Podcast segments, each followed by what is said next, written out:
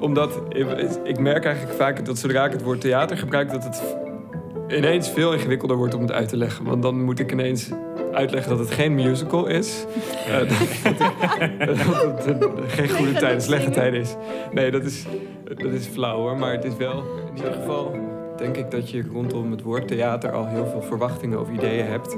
En dat ik het fijn vind om los van die conventies te kunnen werken. Ik denk dat de angst voor de dood bij mij een grote drijfveer is, omdat ik voel dat het heel erg aanwezig is, maar tegelijkertijd in, in het dagelijks leven ik weinig ruimte voel om het daarover te hebben.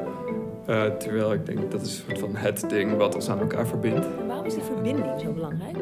Omdat ehm, ik het gevoel heb dat we onszelf helemaal los hebben gezongen van, ja, van de wereld of van het heelal. Dat eh, gevoel heb ik overigens zelf ook hoor. Dat is waarom ik eh, het waarschijnlijk ook zo moeilijk vind dat ik doodga. Omdat het iets is waar ik geen controle over heb.